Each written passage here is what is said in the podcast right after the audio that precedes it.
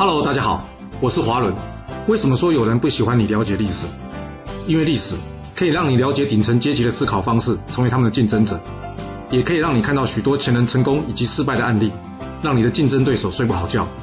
而最重要的是，历史可以让你了解人性。今天主题是啊，吴起五万士兵战胜五十万大军，最后为何还要远走他国？我们刚刚在战国第五集中的故事有讲到啊。吴起不过用五万大军呢，就摆平了秦国的五十万大军。先不管这数字有没有灌水啊，但是吴起威震河西，对魏国有功啊，绝对是个不争的事实。但是问题来了，像这样一位对国家有功的人，不管论资历、论贡献，这相国的位置应该都是非他莫属啊。但是为什么他总是与这相国的位置擦肩而过，甚至最后得落得必须远走他乡的命运？要是你在职场上打滚过几年，相信对于这种画面应该是不太陌生的。这对于公司有贡献以及会被提拔升官的人呢，往往都不见得是同一批人。有没有想过为什么？只因为简单的一句话“功高震主”吗？千万别看这句话看似简单哦，真的要躲过却非常的不容易啊。要不然，为什么从古到今有这么多忠臣良将死在这句话下？那有没有可能做到功高却不要震主呢？我想方法是有的，但是要维持一直有效却不容易。第一，通常功高的人呢，表示他做事能力很强，而一旦人的做事能力太好，就可能忽略了做人的问题。而另外就是，一旦你的贡献高了，这在背后说三道四的人就一定少不了。除非你老板非常英明了，要不然这种事情呢，早晚还是会发生的。看看今天故事中的吴起啊。他虽然将河西治理得很好，又屡次击败秦军，但魏武侯就是不让他做相国，为什么呢？我猜啊，一个是之前吴起曾经说出过“周中敌国”这个比喻啊，当时让他老板下不了台，得罪了老板，他呢没把做人这件事做好；而另外一件事呢，就是呢，可能他老板觉得自己能力没他好，怕管不住他，所以不敢提拔他。而吴起也没有提供他老板如何来管理他自己的一个解决方案。而更惨的是啊。他还被他同事公叔痤给暗算，最后搞得呢，只好远走他乡啊。或许有人会问啊，那奇怪了，吴起这么有能力，怎么就没算到公叔痤会暗算他呢？说真的，要能算得到啊，非常难的。因为啊，大部分的人啊，常常会犯一个致命的错误。什么错误啊？就是这样的前提啊，做了错误的设定。什么意思啊？简单来打个比方说吧，有没有常常听到人家说一句话？就是非我族类，其心必异啊！那能将这句话反过来解释吗？反我族类，其心必同吗？就是说，美国人会帮美国人，法国人会帮法国人。要是这句话的逻辑是对的，那请问“内奸”这个名词是怎么跑出来的？其实啊，对我们是好是坏，跟对方是哪一国人根本无关吧。但是我们就是常常会觉得，非我族类，其心必异啊。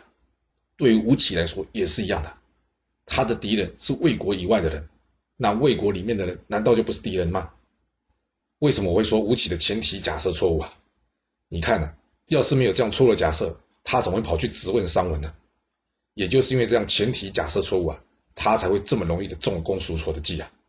因为啊他没把对方当敌人，但是对方有啊，而这呢，也就是有心算无心的可怕之处啊。按他讲了这么多，有没有成功的例子？功高不要正主呢？有的。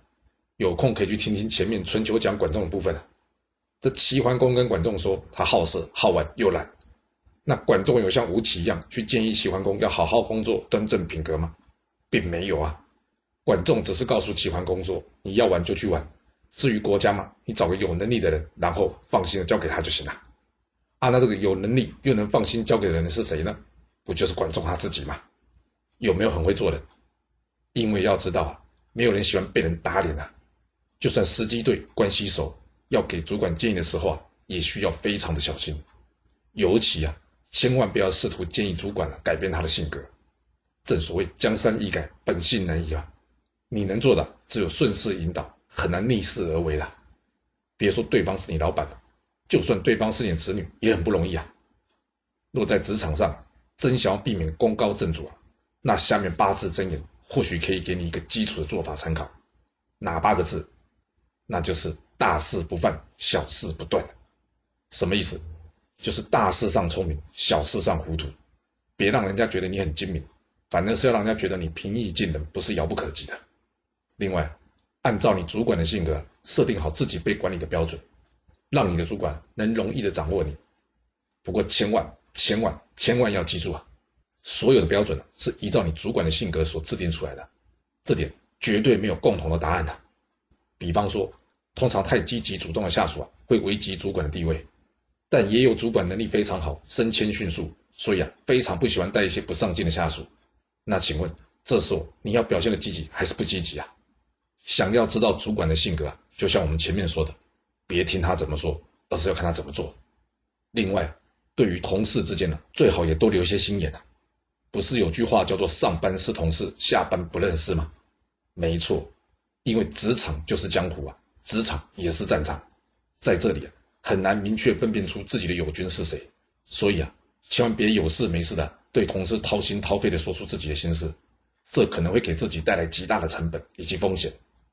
若真的想说啊，那就跟自己家人说，或者跟一些比较不相关的朋友聊聊，这样会比较保险妥当。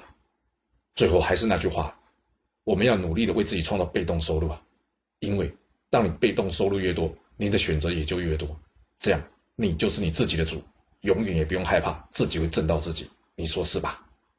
若您有其他想法，也欢迎您留言分享你的看法给大家哦。好了，我们今天就先说到这。若是你想要知道完整版的故事内容，欢迎您可以到说明栏中找到我爱故事频道的连结。要是你喜欢这频道，还要麻烦您动动你的手指，点赞、订阅、追踪，或是给我五星评价的支持以及留言分享哦。谢谢您来收听，我们下次再见。